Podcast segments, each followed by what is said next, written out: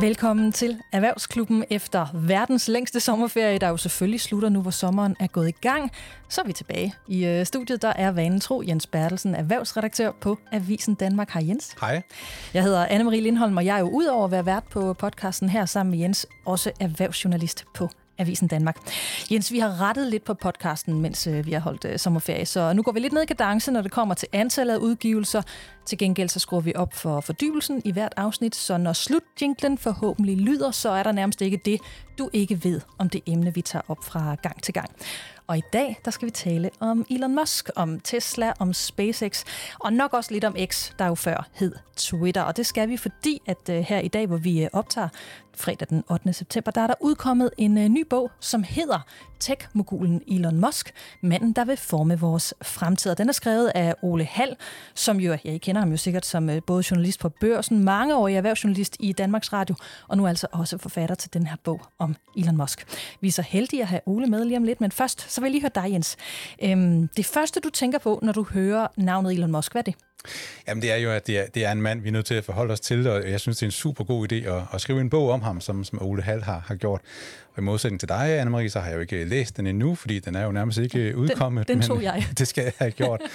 og altså Elon Musk, altså jeg tænker jo på, hvor udviklingen af elbilmarkedet havde været hen, hvis ikke det var for Elon Musk og, og, og Tesla. Altså den der vedholdenhed, hvor han bare har blæst på alle skeptikerne og tonset igennem med, at en øh, elbil skal være lækker og, og sjov at køre i, at øh, det har bare betydet alverden for, at vi nu faktisk er i gang med en øh, elektrificering af, af bilparken, og at de gamle bilmærker er, er kommet op i gear. Mm. Men også hans øh, rumprogram, altså, hvor jeg i hvert fald har været en af dem, der har tænkt, at, at det her det er jo bare en stenrig galning, der ja, brænder sine penge Never af. gonna happen. og nu ser vi så, at det er ham, der flyver vores Andreas Mogensen op på, på rumstationen. Og altså, samtidig med, at man er imponeret over alt det, så bliver man jo også lidt bekymret over, at øh, en mand samler så meget magt og indflydelse og adgang til præsidenter osv. Altså, det er, det er ham, der, der med sine satellitter sørger for, at øh, der er internet ude på, på slagmarken til de øh, ukrainske soldater. Altså, hvilken succes havde de haft øh, øh med at forsvare deres land, hvis ikke de havde adgang til, til internet? Og så er det jo også ham, der med tryk på en knap kunne, kunne slukke for det her internet. Så altså, det er virkelig en mand, vi er nødt til at interessere os for. Altså jeg skifter jo mellem at være ultra fascineret, så er jeg også dybt taknemmelig for det, han har udrettet i forhold til, ja, som du også er inde på, til udrulningen af elbiler over hele verden. Så er jeg nysgerrig på, hvad det næste store aftryk, han sætter, bliver for net, og så skifter jeg så over til at være ultra rasende og mega bekymret for, hvor meget magt han har. Altså, fordi han jo en gang imellem virker decideret bims virkelig mange følelser, du har ja, i spil der. Ja, men du, ja, sådan en menneske er jo lidt. øh, og apropos øh, bims, så bliver det her verdens mindst elegante brug til en mand, som overhovedet ikke er bims, men nyslået forfatter til bogen her om Elon øh, Musk.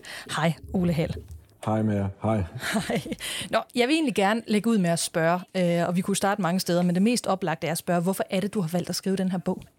Ja, altså jeg har jo som erhvervsjournalist øh, tænkt, at øh, jeg bliver nødt til at prøve at forstå den her mand, øh, og, og det har jeg egentlig tænkt i mange år, øh, fordi øh, det var vildere og vildere, det han øh, skabte med Tesla, øh, da han begyndte at lave overskud i virksomheden også. Der gik jo virkelig mange år, inden han lavede overskud. Ikke? Men da det så kom, okay, han kunne rent faktisk også drive det her til en øh, rentabel forretning. Det, det, det er en to-tre år siden nu, at, øh, at det kom, så tænker jeg, okay, det er vildt. Samtidig så, så fik jeg øje på de der raketter, som han sender op. Det så så vildt ud, da de landede øh, på, øh, på fødderne igen, skulle jeg næsten til at sige, lodret øh, stående. Øh, det blev jeg totalt fascineret af. Og så, så det, det, der så skete under coronakrisen, der synes jeg, at han blev mere og mere sådan isoleret og, og skarpere og skarpere i sine meldinger. Øh, så tænkte jeg, okay, måske skal jeg tage i gang. Så køber han Twitter, øh, hvilket kom totalt bag på mig. Og, altså, okay, nu, nu skal jeg i gang, fordi derfra, altså, så begynder han jo at udråbe sig selv til ytringsfrihedsabsolutist. Det er ikke nok bare at være iværksætter og, og disruptor og sådan nogle øh, ord der. Nej, du er simpelthen også ind og, og forbedre den globale samtale. Øh, og, og der tænker jeg, okay, nu, nu, nu, nu bliver jeg simpelthen nødt til at forstå den mand. Så bogen her, det er mit forsøg på at forstå Elon Musk, mest af alt som erhvervsperson. Mest af alt som erhvervsperson. Men også som magtmenneske, fordi den er jo kommet med øh, krybende ind med alle de teknologier, han har fingrene i, øh, der, der følger også bare magt med, og det, det kan man jo så se for eksempel med satellitterne øh, over Ukraine, og, og pludselig så, øh, så taler han med, med Vladimir Putin om, hvordan øh, man kan få en fredsløsning på det der. Det, det, det viser bare et meget konkret eksempel på, hvad det er for en magt, der følger med nogle af de her teknologier, som han råder over. Jamen, vi, vi dykker lidt ned i, i flere af de ting, du er inde på uh, her, men, men er, der, er der nogle af de her ting, bare lige for at tage sådan et overordnet spørgsmål igen, altså som egentlig har gjort dig lidt, eller efterladt dig bekymret? Ja, den sidste ting her omkring satellitterne, det var, det var egentlig ikke sådan, jeg så det til at begynde med. Det var, det var først i 2019, at, øh, at Elon Musk han, øh, han begynder at, øhm, og, og sende sine egne satellitter op. Ikke? Og, øh, og der, der tænkte jeg ikke sådan videre over det andet, end om det var, da, det var da smart nok. Selvfølgelig skal man da gøre det, når man kan det, og det er da fint, at han kan udbrede noget internet til, øh, til de dele af kloden, hvor der faktisk mangler internetforbindelse. Der er cirka 3 milliarder mennesker endnu, altså ud af hvad er små 9 milliarder, som mangler internetforbindelse. Så tænker jeg, det var da egentlig en meget... Øh, øh, hvad skal man sige, øh, det var da en, en, en flot handling, og nu vil han egentlig også gøre noget for nogle af dem, som, som, som halter lidt bagefter her, her, her på kloden. Ikke? Mm. Men så er det så gået op for mig, øh, okay, det giver ham jo konkret indflydelse på, øh, på de konflikter og de krige i verden, hvor, øh, hvor øh, internetforbindelser jo er det første, der bliver bombet, typisk øh, det første, der kan kappes øh, i sådan en strid, og så kan han så komme og levere til, til dem, han nu vil levere til. Øh, det, det, det, det løber mig koldt ned af ryggen, at, at, at den mand skal sidde med den magt, og det er så fordi, han er ikke en almindelig erhvervsperson, han er alt andet end diplomatisk. Han er jo til tider impulsiv, irrationel, drevet af, øh, hvad skal man sige, hævn nogle gange, andre gange drevet af andre motiver. En mand, som jeg synes har været alt andet end stabil, det er ikke så rart, at han har stor indflydelse på, hvordan det går i en krig. Øh, det bekymrer mig faktisk en hel del. Jamen lad os lige tage den så, fordi øh, når du kigger på, hvad det er, han har gjort, øh, hvad det er, han har gjort, som har gjort, at Tesla nu er en bundsolid virksomhed. Øh, når du kigger på det, der gør, at SpaceX imod alle odds nu har sat sig tungt på rumindustrien. Altså, hvilke faresignaler er det så, du ser, når du så kigger på, hvordan han har håndteret ekstra tidligere Twitter? Man kan sige, det er jo i princippet den samme mand, det er den samme profil, der er belært af alle hans gode erfaringer, burde kunne præstere endnu et mirakel, men det er bare fordi, nu beder jeg mærke, at du siger det med efter corona. Det er som om, der er sket et eller andet med ham. Altså, hvad er det for farsignaler, du ser, som, hvor, det, hvor det måske ser anderledes ud nu?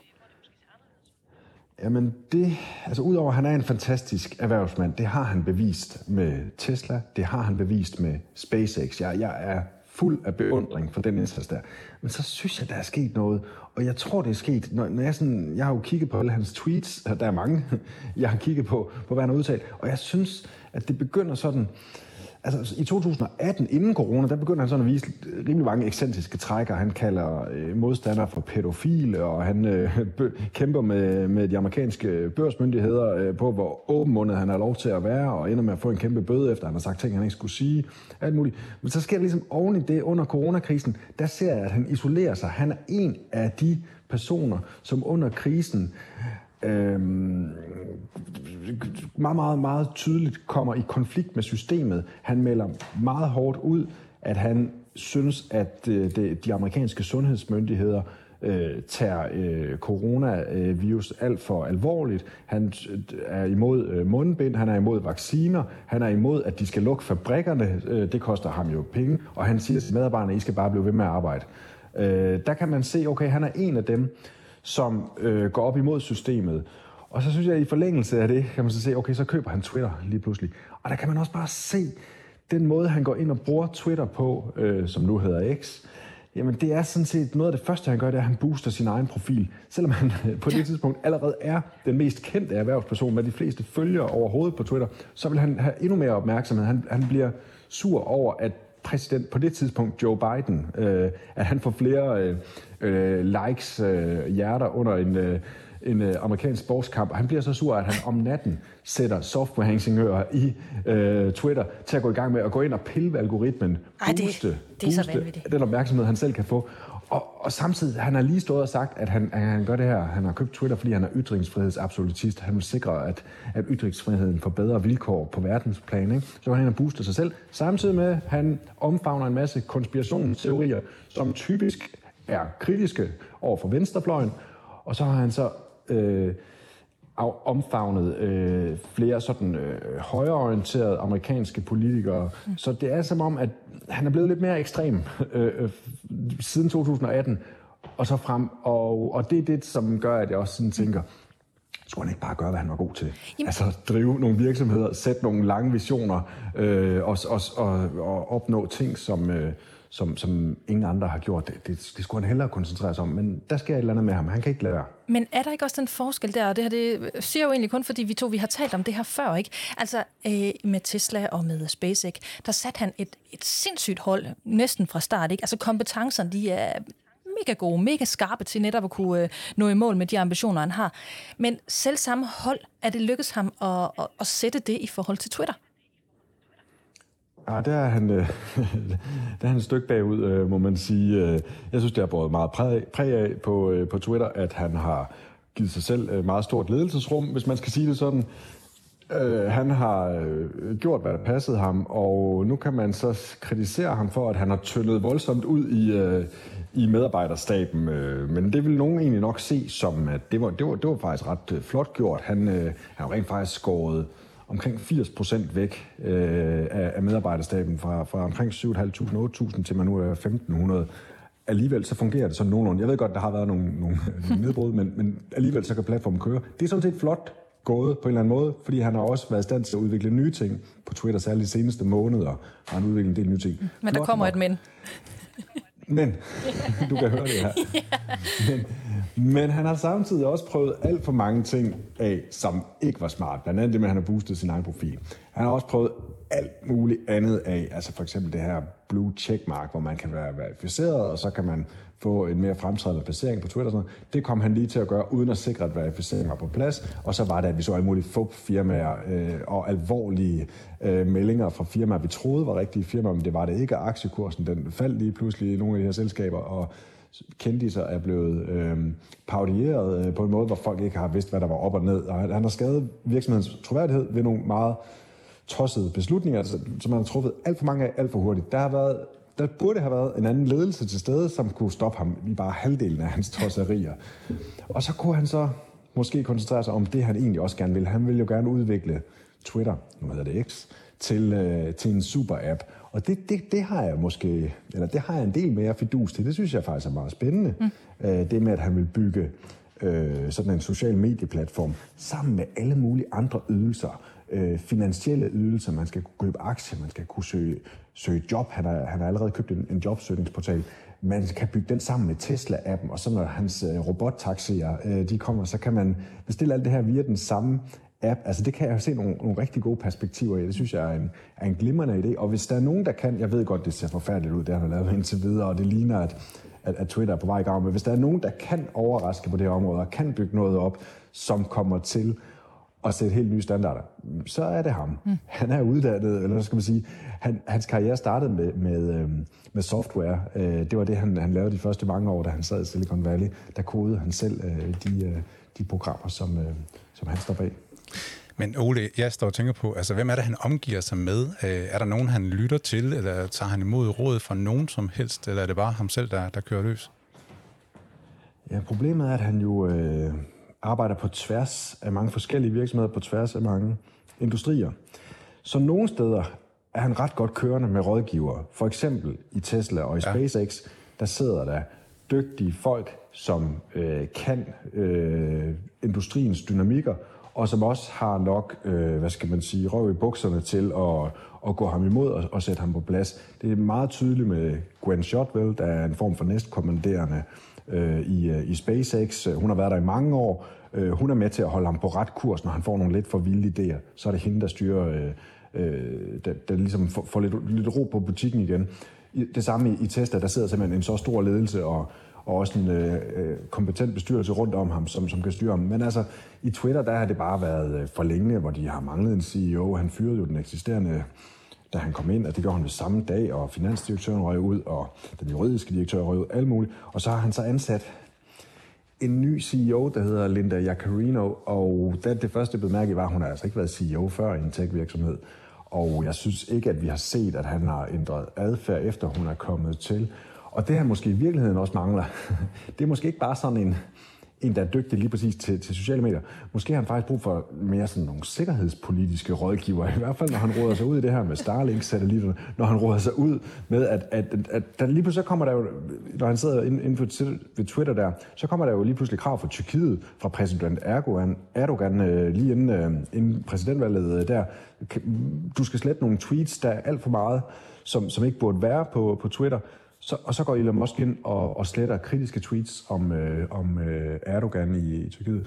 Og, og der må man bare sige, måske når han bevæger sig ud på den her scene, hvor det handler om ytringsfrihed, hvor det handler om infrastruktur, der bruges i krig, måske er det faktisk nogle nye rådgivertyper, han har brug for, øh, nogen, der ved noget om sikkerhedspolitik, og så også nogen, som altså, kan håndtere ham, når han bliver mere og mere gal. Han er både gal og genial, men jeg synes, vi ser, at han træffer flere og flere ekstreme beslutninger sådan for hurtigt. Øhm, så han har brug for stærkere rådgiver end før, tror jeg. Det var faktisk lige præcis det, der gik op for mig, da jeg læste din, øh, din bog. Altså det der med, hvor stor en risiko han tager, og hvor meget det er eskaleret gennem årene.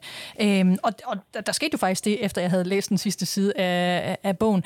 Jeg var så tæt på at gå ind og så afbestille den Tesla, som jeg lige havde bestilt i dagene op til, at jeg gik i gang med at læse din bog. Jeg var, jeg var så tæt på, for lige pludselig fik jeg den her følelse ind i, det her, det, det kan godt, altså selvom Tesla er bundsolid, mega stærk, alt er godt, det han har de gode øh, rådgiver, så er det stadigvæk Elon Musk. Altså, hvor kan det her ikke ende hen? Og så havde jeg måske alligevel ikke lyst til at smide så mange hundredtusind efter, øh, ja, efter en mand af, af hans kaliber. Altså, nu spørger jeg lige her i, øh, i studiet. Vil du, Ole, vil du uden at tøve, øh, turde bestille en Tesla i dag? Stol på Elon Musk, han ender ikke med at brænde det hele ned på et tidspunkt. ja, ja, jeg køber så meget ind på... Øh på øh, den øh, plan om at elektrificere øh, øh, bilindustrien, øh, store dele af transportsektoren, at øh, det, det, det synes jeg øh, med ro i sindet, man kan gøre. Øh, det, det er sådan set, jeg synes, det er en triumf, øh, det han har opnået med, med Tesla, så det kan man ikke rigtig, det skal man ikke tage fra ham. Øh, det er mere... Øh, det, det, der bekymrer mig mere, er mere det her med, med de sociale medier. Mm. Jeg er stadigvæk på Twitter, men, øh, men hvad laver jeg egentlig der? Øh, jeg er lidt afventende ja. på, om, om han får styr på den butik. Og måske også, om han får lidt styr på sit eget temperament. Altså, jeg må indrømme, at, øh, at der, der, der kommer nogle bekymrende historier frem, øh, allerede der i, i 2018, hvor, øh, hvor han siden har sagt, at han virkelig var i krise. Øh, det, det har han forklaret om, om den periode. Altså i 2018, der, der, der fortæller han på et tidspunkt i et interview med New York Times om, om sit øh, forbrug af sovemedicin, som... Øh, som måske nok er øh, problematisk. Han, han virker også uligevægtig. Han, han, han sidder og, og græder under interviews. Øh, og, øh, og nu her, det seneste, det er så Wall Street Journal, der bringer det frem. Øh, en af de øh, store, øh, seriøse erhvervsaviser skriver faktisk om, øh, at han har et øh, eskalerende ketaminforbrug. Øh, og det, er, her, der, der, der taler vi om, øh, om et stof, som... Øh, det, det, det bliver kaldt populært hestebedøvelsesmedicin, fordi det er det. det har så også øh, nogle, nogle andre øh, virkninger. Det kan være hallucinerende, hvis, øh, hvis, hvis man tager det i de rigtige doser. Og det er noget, som, som, som folk tager på vej ind til Technofest øh, i lighed med, med andre stoffer. Øh, Wall Street Journal skriver, øh, efter at Elon Musk han selv har tweetet om det her stof, han har tweetet, at det burde flere, der var depressive, de burde tage det her stof, så har Wall Street Journal så talt med kilder omkring Elon Musk, øh, som de citerer for, at han, øh, at han har, øh, han tager det selv, og han, og han, og han har et eskalerende øh, forbrug af det. Og det, nu er vi jo derude, ikke også, hvor, hvor, hvor hans skrøbelige sind, som det er jo meget specielt, han er, han har en Aspergers diagnose, øh, hans bror og hans ekskone siger, at han, han mangler empati. Han har også selv talt om det. Han har svært ved at forstå andre mennesker, de der sådan, aflæse andres følelser. Det er jo meget basalt, og det kan de fleste af os. Øh. Men han, han, han er altså lidt speciel her. Han er, hans hjerne øh, er øh, fejler ikke noget på den måde, han er, han er intelligent. Han er langt mere intelligent end gennemsnittet. Men han har svært ved nogle gange at aflæse de her menneskelige situationer. Og når man så samtidig oplever, at han har et skrøbeligt sind, han er spontan, og han har de her nedture, han taler om øh, euforiserende stoffer, så, så tænker jeg da lidt, at jeg håber da ikke, at, at, øh, at, at, at, det, at det fremover er ham, der skal være med til at afgøre øh, krige og konflikter. Jeg håber, at han selv har en eller anden selvreflektion om det, fordi han er jo intelligent nok, så jeg, jeg håber, der er ved at ske et eller andet med ham, så han kommer til at og, øh, og, og tage den lidt mere med ro på de her fronter, og så koncentrere sig nu om de her driftsmæssige ting i virksomheden. Han er god til produkter, han er god til produktion, han er god til at tænke fremad og, og, og, og få en vision til at blive til virkelighed. Alt det der, det, det skulle han koncentrere sig noget mere om, og så skal han bare gå ud af alt, hvad der er med politik at gøre. Altså efter den her meget nuancerede, fine beskrivelse, som Ole Hald er kommet med, Jens, så er jeg nødt til at spørge dig, øh, vil, øh, vil du turde købe en, Tesla?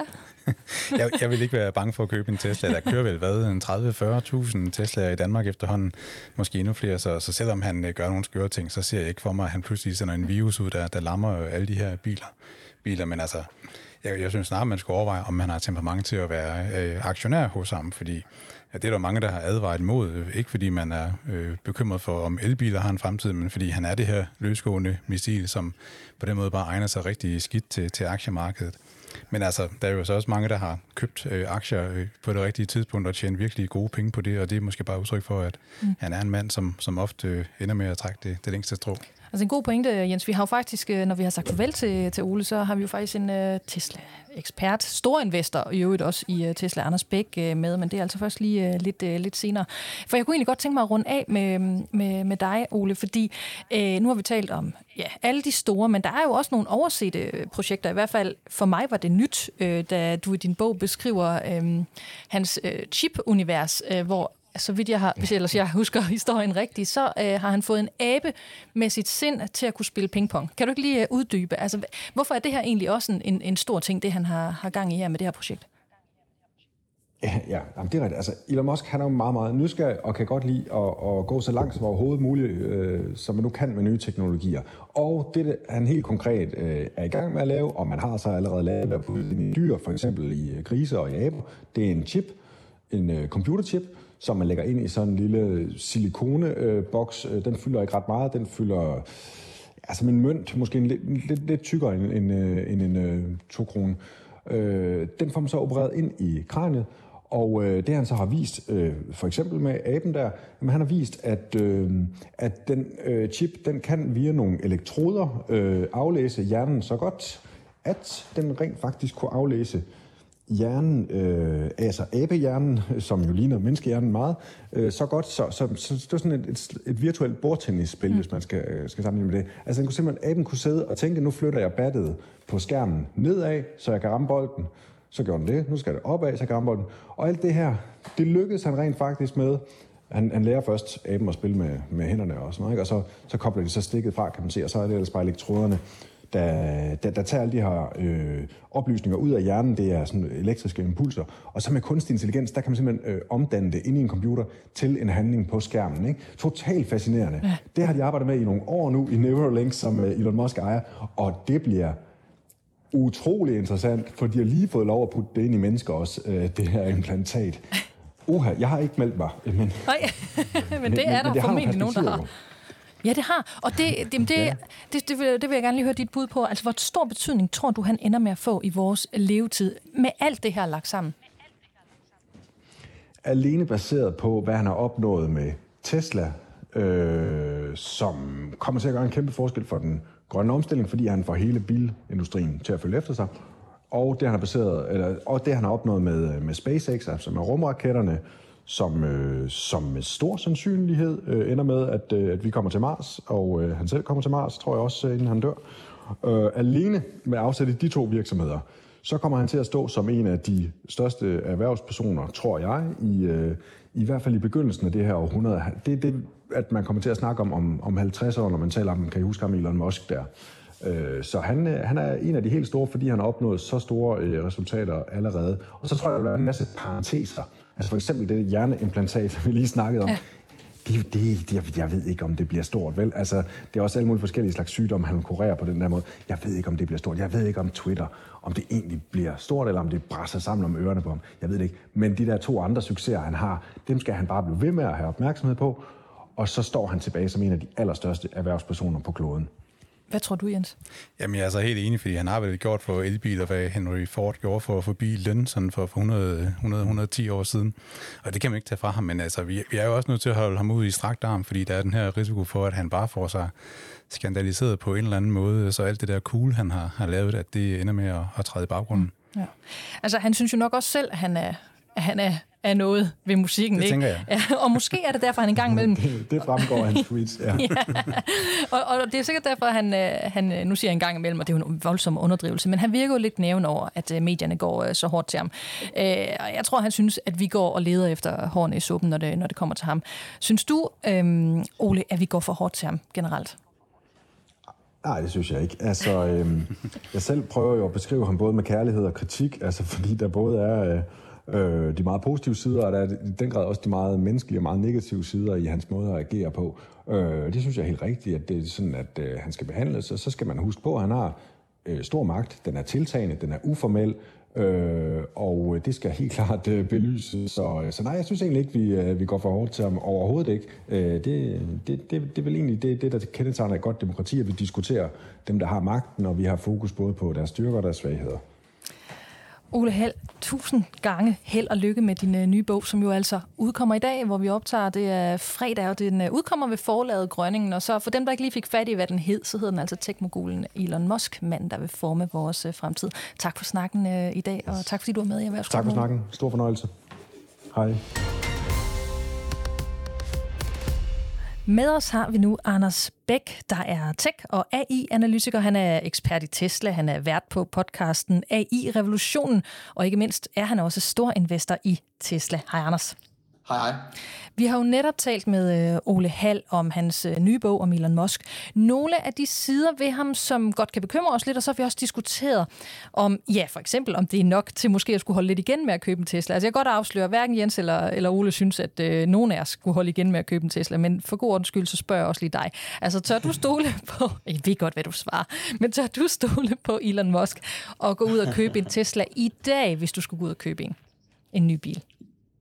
Ja, altså, ja, altså svaret, det, det, hvad hedder det, det, det, ja, det, det er et stort, stort ja. Og jeg vil faktisk, jeg vil faktisk være næsten så, så fræk og, og vende spørgsmålet om og sige, jeg vil faktisk være mere nervøs for i dag at gå ud og købe en ikke-Tesla-bil, end jeg vil være at købe en Tesla. Og med det der mener jeg jo, at hvis vi kigger, vi behøver bare at kigge på salgstallene. Tesla, de sælger som varmt brød. Det er verdens på salgstallene. Der er Tesla Model Y, det er verdens mest solgte bil i 2023. Og vi kan jo kigge i vores lille, lille andedam her i Danmark. Der er, er salgstallene indtil, altså fra, i, i hele øh, 223 indtil nu her, øh, indtil august måned. Øh, der kan vi se, at Tesla Model Y, den har solgt, den har, det er den mest solgte bil på tværs af både elbiler og benzinbiler. Og det er, det er faktisk ikke nok med det, den har solgt to, cirka to-tre gange mere end nummer to på listen, en, en Peugeot. Så, så, så Tesla, de sælger altså som, som varmt brød, og det betyder altså også, den her, den her trend, den ser jeg fortsætter i mange, mange år frem. Altså den her, den her eksponentielle udvikling af Tesla, de, de sælger alle de biler, de kan, de kan producere. Så det vil sige, jeg vil, jeg vil vurdere, at det, det bliver, hvis man køber en ikke Tesla eller en, en Volkswagen Toyota øh, benzindrevet bil i dag, for hvert år, der går for nu, så vil den blive sværere og sværere at komme af med, når man engang skal sælge den om nogle år, nogle år igen. Men, men du er jo heller ikke blind for den appetit på risiko, som Elon Musk jo, jo har. Altså, hvordan vil du beskrive den appetit? Du har fulgt ham meget tæt i mange år. Ja, ja. Jamen, det, det er fuldstændig rigtigt, at, at han er meget, meget øh, risikovillig han har en meget, meget høj appetit på, på risiko, altså hvor, hvor vi andre, vi, vi nok vil, vil have det øh, ret, så, ret så stramt i de, nogle af de situationer, han har stået i, jamen så, så, så trives han i det. Men den pointe, som, som, som jeg føler, der er rigtig, rigtig vigtig at, at bringe, det er, at, at han, han er risikovillig, men han tager ikke risiko bare for at tage risiko. Altså, vi snakker jo, vi, vi står jo med manden, der har revolutioneret de to, de to brancher, de to industrier, som man vil, man vil have sagt var de to mest benhårde industrier at komme ind i. Altså, det er jo selvfølgelig bilindustrien, og det er, og det er rumindustrien. Ikke, og ikke nok med, at Elon Musk han har lykkedes i de her industrier. Han har fuldstændig vendt det på hovedet. Hvis vi kigger på, på SpaceX, jamen der har han lykkedes med at genanvende raketter. Det er altså en bedrift, som ikke engang lande har kunne, har kunne lykkes med. Det har Elon Musk lykkes med. Min pointe med det, det er, at han, han tager ikke risici, hvis ikke at det var nødvendigt. Altså man kommer ikke her, man, man, man ændrer, eller min pointe, man, man, man kommer ikke til at ændre verden, hvis ikke, der vil være nogle, nogle risici på den, på den vej. Mm. Så hvis han har kunne, kunne undgå det, så har han gjort det. Men tilfældigvis, så at komme hertil, det er en vej, der, der, hvor der vil være, være, være risici øh, langs, langs den. Okay. Altså, vi, vi har talt sammen tidligere om, øh, om øh, Tesla for få dage siden. Der talte du om fundamentalerne ved, ved Tesla, som står snorlige. Kan du lige fortælle os, hvordan er det egentlig, det ser ud for Tesla? Jo, altså Tesla, det, det, øh, som, som investeringscase, der står Tesla jo rigtig, rigtig stærkt lige nu. De, de hviler på et, øh, på et rigtig stærkt fundament, og det er der nemlig flere grunde til, især hvis man kigger på, på Teslas fundamentaler. Vi kan jo starte med, med, med at kigge på, som vi øh, ganske kort har, har berørt, det her med salgstallene. Tesla, de sælger som varmt brød, og det er altså en vækstkurve, som er vækstet med over 50% gennem de sidste, de sidste mange år. Samtidig med det, så vækster Tesla stort på, på både toplinjen på bundlinjen. De har branchens, en i hvert fald en af branchens suverænt stærkeste profitmarginer. De tjener altså flere penge på deres, på deres biler, end konkurrenterne gør. Og det, det man skal huske her, det er, at det gør de på trods af, at Tesla de startede året ud, året ud med de her store prisnedsættelser.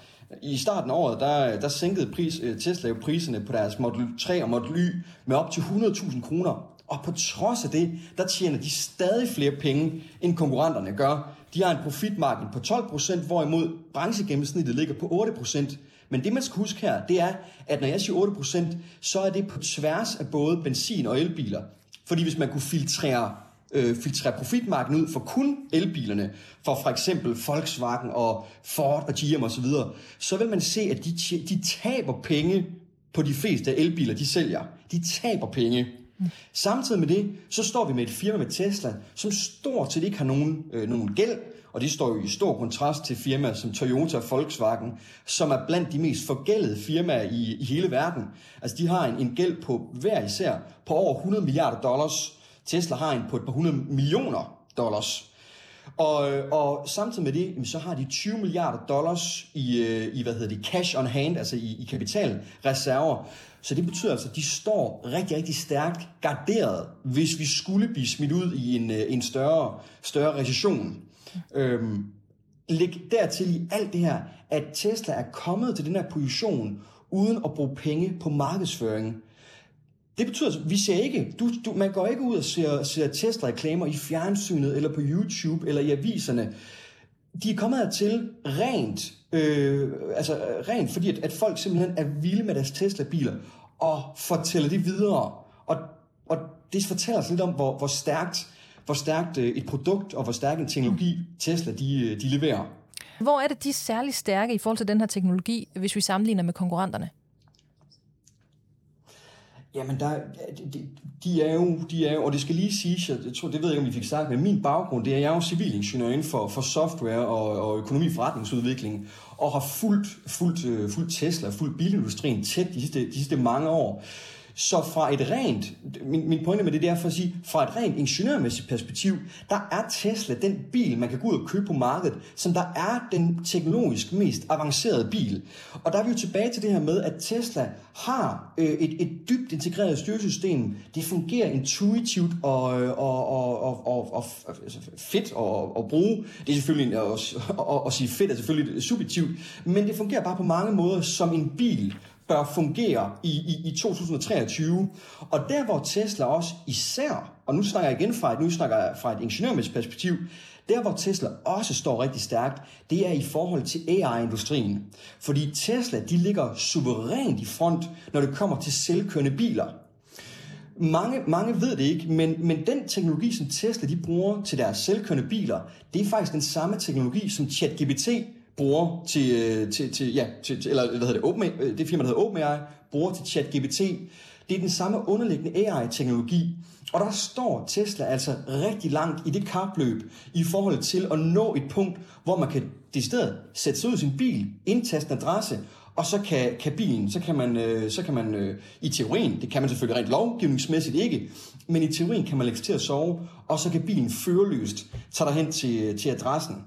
Så, så rent teknologisk, der ligger Tesla på, på mange fronter øh, langt foran. Og der er vi tilbage, igen tilbage til det her med, at Tesla, det er derfor, at Tesla er blevet kaldt en iPhone på hjul. Mm. Altså, så får jeg jo lyst til at spørge, hvor langt konkurrenterne er på de her parametre. Og her tænker jeg jo selvfølgelig ikke kun på Volkswagen Toyota, men jo især delsid på, på nogle af de kinesiske mærker som, som BIT. Ja, ja. Altså, der er ingen tvivl om, at, at NIO og BIT og så videre, de, øh, de laver nogle rigtig, rigtig flotte og konkurrencedygtige biler. Ingen tvivl om det. Og, og, og, og de er, de er selv, selv langt, langt fremme. Altså, jeg, jeg ser det her som, at, at øh, uanset hvad, så er det jo ikke fordi, at Tesla de har, I, har i sinde at tage, øh, at tage hele bilmarkedet. Der går vi jo igen tilbage til, til iPhone-parallellen. Det jeg spår, det er, at Tesla kommer til at sidde på en meget, meget stor del af, af den, her, øh, den her bilindustris kage. Og, og så er der selvfølgelig også plads til, til andre, andre aktører, som blandt andet de kinesiske, de kinesiske øh, øh, bil, bilfabrikanter. Og der er vi faktisk, det er også en, en, en sjov detalje her, fordi der er vi igen tilbage til parallellen, tilbage til, til, til den her parallel med iPhone. Fordi det, der skete i, øh, efter iPhone blev lanceret, det var, at gamle bilfabrikanter, øh, bare gamle mobilfabrikanter som Nokia og Sony Ericsson, de måtte lade livet og give plads til, at andre nye kinesiske mobilfabrikanter kunne, kunne følge med i iPhones slipstrøm det er jo faktisk det samme, vi er ved at se nu i slipstrømmen på Tesla. At gamle bilfabrikanter måske kommer til at få det svært. Jeg ser en stor sandsynlighed for, at, at, øh, at, at nogle af de her gamle, øh, øh, gamle traditionelle bilfabrikanter har mulighed, har risiko for at blive vores tids Nokia. Og, i, øh, og, og der i stedet vil blive plads til, til nye, nye kinesiske spillere sammen med, øh, med Tesla. Altså, man kan se, nu forholder vi os jo rigtig meget, øh, eller vi forholder os helt konkret til, til bilen og de styrker, der er sammenlignet med, med, med konkurrenterne. Men altså, en af dine øh, ekspertiser er jo også at forholde dig til, til Tesla som, som aktie. Altså, hvad er det, hvis du står som øh, potentiel investor, eller allerede har købt dig ind i Tesla? Hvad er det så egentlig, du køber ind på, hvis du køber den her aktie? Altså, hvor du vel at mærke også køber dig ind på en til tider lidt ustabil Elon Musk, øh, som jo har det med, om han ved det eller ej. Mm. Altså, han har været, været ude og påvirke aktiekursen mange gange. Ja, ja. Øhm, hvad hedder det? Jamen, man køber sig ind i et... Øh, jeg, jeg plejer sådan at dele det op i tre, tre, tre, tre punkter, sådan for, for at overskueliggøre det lidt. Det der med Tesla lige nu fra et rent øh, hvad hedder det, investeringsperspektiv, der, har, der, der, der hvor Tesla står stærkt, det er i forhold til Teslas fundamentaler. Det vi har snakket om her med, at de sælger alle de biler, de kan producere. De, øh, de står stærkt på deres profitmarked og tjener langt flere penge end konkurrenterne. De vækster, deres væksttal, de er, er super, super flotte på både toplinjen og bundlinjen. Øhm, hvad hedder de? Øh, de som sagt her med, de har ikke nogen gæld, de har mange, øh, mange dollars på, på, på, på bunden, så hvis, der skulle, hvis vi skulle gå ind i, i svære økonomiske tider, så står de stærkt, meget, meget stærkt graderet. Så fra et rent, så for, så fra øh, et rent fundamental analyseperspektiv, der hviler Tesla altså lige nu på et, på et, et meget, meget stærkt fundament.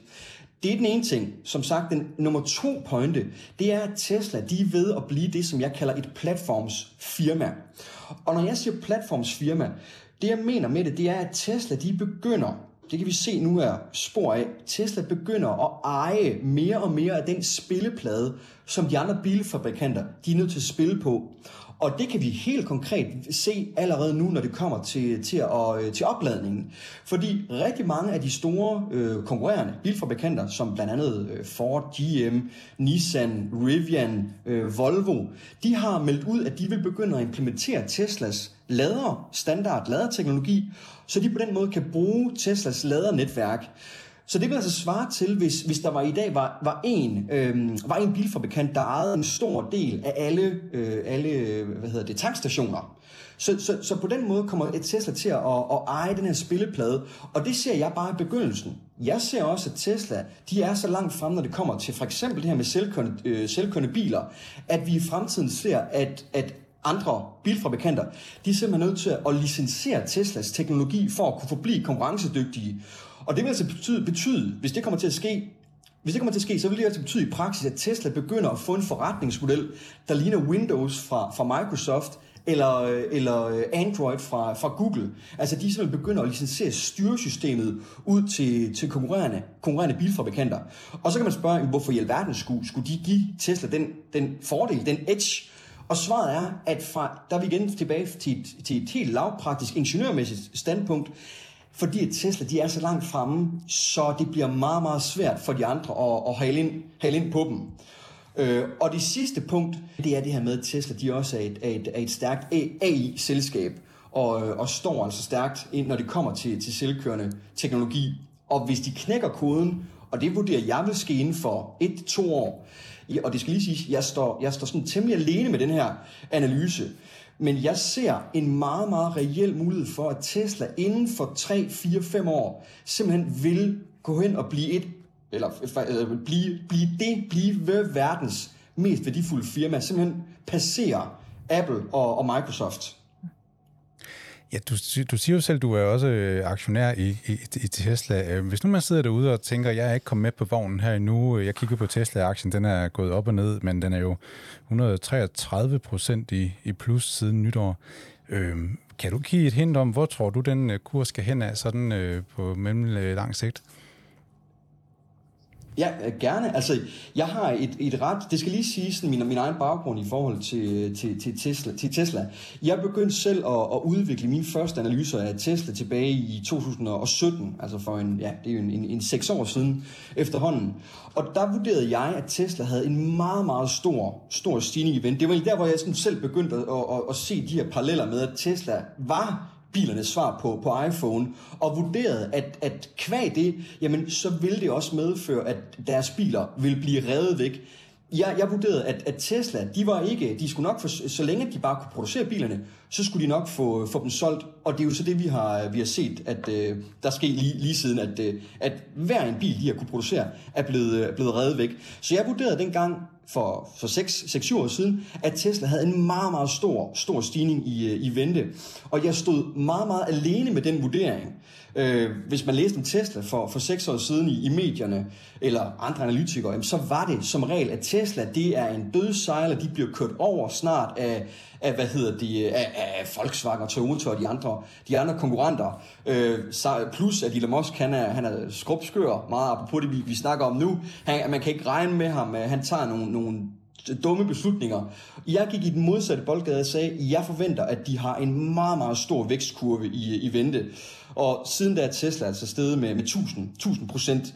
Øh, men jeg forventer fortsat, at vi faktisk stadigvæk bevæger os i bunden af den her eksponentielle kurve, som, øh, som Tesla den ligger i. Og grunden til det, der skal vi tilbage til fundamentalerne igen, fordi nu sagde jeg lige før, at jeg rent faktisk ser en meget, meget reel mulighed for, at Tesla de vil gå op og passere og blive verdens mest værdifulde firma inden for ganske, ganske få år. Og grund til, at jeg siger det, det er fordi, at meget tyder på, at lige nu, hvis vi kigger på, på Teslas væksttal, at de vil gå op og blive, øh, blive, blive lige så stærke, som altså, at, at Tesla vil kunne komme op og tjene lige så mange penge, både på toplinjen og bundlinjen, som andre, de her store tech-giganter, som, altså, som, som Apple eller Microsoft øh, eller, eller, eller, eller Google. Øh, det er der rigtig meget, der tyder på, og det er igen, der skal vi tilbage til det her med, det her med, altså, når jeg, når jeg siger, at, at, at Tesla det begynder at blive et platformsfirma, det her med, at de begynder at, at, at, de begynder at kunne åbne op for nogle forretnings, nogle indtjeningskilder, som gør, at de vil, de vil kunne tjene enormt mange flere penge end andre konkurrerende bilfabrikanter, som, som stadigvæk udgiver de her, på nogle punkter, lidt analoge produkter. Så på mange punkter, der, der tyder, der vurderer jeg i hvert fald, at Tesla, de, øh, de vil komme op og måle sig, og, og faktisk også passere, øh, på grund af deres teknologiske øh, forspring, vil komme op og, og måle sig med og passere de andre tech-giganter. Og det, det lyder jo virkelig lovende, og man må jo også give dig ret i, at det, det, det så du så, øh, mens øh, mange andre så, så noget andet. Jeg kunne godt tænke mig at prøve at spørge dig, hvis nu det går galt for, for Tesla herfra, altså hvad er det så, at de har fejlet med, hvis ikke det går, som, som du forudsiger her? Jeg, jeg vil sige, der er ikke nogen, der i dag realistisk, det var ikke, det var ikke urealistisk for, hvis vi går, går 4, 5, 6 år tilbage. Altså det her med, det er ikke realistisk at, at, at, at, at tro, at Tesla går konkurs i dag. Der, I dag er der større sandsynlighed, i, i dag er der større risiko for, at et firma som Volkswagen, eller Toyota, eller Ford, eller GM vil gå konkurs end, øh, end Tesla. Øh, og det, det er, øh, altså, der behøver man bare at kigge på, på igen, hvis vi går tilbage til Teslas, øh, Teslas økonomi. Altså, de, de, står, de står på et meget, meget stærkt stærkt fundament. Så der er ikke nogen, nogen realistisk øh, mulighed for, at, at, der vil, at, at Elon Musk vil, vil smide Tesla ud i en eller anden, øh, en eller anden gamble og, og, ja, og, gamble, gamble hele virksomheden væk. Og det var egentlig også min, min pointe for før. Det her med, at Elon Musk han er risikovillig, men det betyder ikke, at han tager enhver risiko, han kan, kan få fat på. Han undgår, hvis, hvis der står to veje, den ene den er fyldt med risici, risici og den anden den er, er, er, er ikke, så tager han selvfølgelig den, den, sikre, den sikre veje. Øhm, og lige nu der står, der hviler Tesla, det gælder sådan set også SpaceX, de hviler på nogle så stærke fundamenter, så selvom, det, det gælder jo egentlig også, hvis, hvis, han skulle, hvis han skulle risikere at dø i morgen, at så, så er den affyringsrampe, som, som Elon Musk han har formået at bygge nu, den er så stærk, så de vil kunne, øh, de her to selskaber, de vil kunne, kunne, kunne, kunne flyve, få luft under vingerne uden, øh, uden hans indblanding. Så, så, så jeg ser ikke, jeg ser ikke en, en, en, en risiko for, at de, øh, de går konkurs eller, eller går ned. Altså, jeg har jo egentlig ikke flere, øh, flere spørgsmål, men nu hvor du sagde i begyndelsen, at du, øh, du, du tog godt købe en Tesla, hvis du skulle ud og købe en bil i dag. Øh, hvad for en vil du så egentlig købe? Jamen, altså nu, jeg kører rent faktisk rundt i en, en Tesla Ja, men du skal 3, ud og købe en ny i morgen. Du skal ud og købe en ny i morgen. Købe, hvis jeg skulle ud og købe en ny, hvis jeg skulle købe en ny i morgen.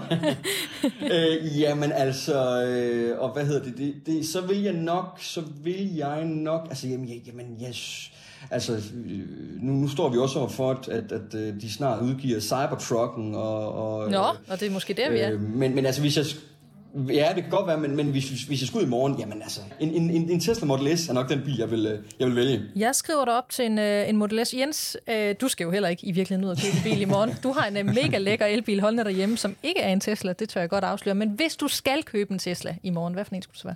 Og det bliver øh, Berlingoen, altså Model Y, jeg er helt sikker på, med plads til familien og alt det der. Flappet sagt. Nå. Okay, Model Y. Jamen, så er der to på Model Y, fordi at det er også sådan en, øh, jeg har købt, og som jeg forhåbentlig skal hente i, øh, ja, i morgen. Nå, øh, Anders Bæk, mange tak, fordi du var med i Erhvervsklubben. Ja, men det var så lidt. Det var så lidt. En fornøjelse. Jens Bertelsen, vi skal jo egentlig til at slutte af for i dag, men først så vil jeg lige præsentere dig for nogle øh, fun facts om øh, Elon Musk. To det af dem, jeg mig til. Ja, det tænker jeg nok. To af dem, der, du er jo sådan en uh, fun fact fyr. Nå, to af dem, dem fandt jeg i, i Ole Hals bog. Øhm, han var et mulehår fra at sælge Tesla til Google. Aha. Han er ikke stifter af Tesla. Og han får ikke løn af Tesla, selvom han er Teslas topchef. Hvad, er der nogen af dem her, der kommer bag på dig? altså, jeg, jeg vidste godt, at det ikke, det ikke var hans idé oprindeligt øh, med, med Tesla, men, øh, men de andre, det var jeg klar over. Okay. Øh, og det med, at Tesla i dag kunne være ejet af Google, det, det er jo dybt interessant. Altså, det vil jo ikke måske nødvendigvis være dårligt for, for Tesla, fordi Google, Google jo i forvejen har investeret kraftigt i, i selvkørende biler og ja. software til biler, og jeg tror også, de havde været dygtige ejere, men vi skulle nok have haft en snak om, om, øh, om Google efterhånden havde sat sig øh, for tungt på, på nogle af de meget, meget vigtige industrier. Det taler øh, vi også om med Elon Musk i det her program. ja, ja. Og så er det da skægt, at han ikke trækker løn ud til sig selv. Altså, det er der jo mange iværksættere, der, der må vente med at gøre i mange år, men altså i, i lyset af de milliarder overskud, Tesla øh, genererer, så kunne han måske godt have taget en lille skilling ud til sig selv. Jamen, han får jo noget, han har jo masser af aktier og, og, og så videre. Men altså, det reelle løn i hvert fald fremgår det af regnskaberne. Den hiver, den hiver han ikke ud. Jens Bertelsen, jeg vil sige mange tak for øh, den her gang. Det var en fornøjelse at være i studiet med dig igen. I lige måde. Og til dig, der lytter med, hvor er det dog egentlig rart, at du lytter med. Jeg hedder Anna-Marie Lindholm. Vi høres ved.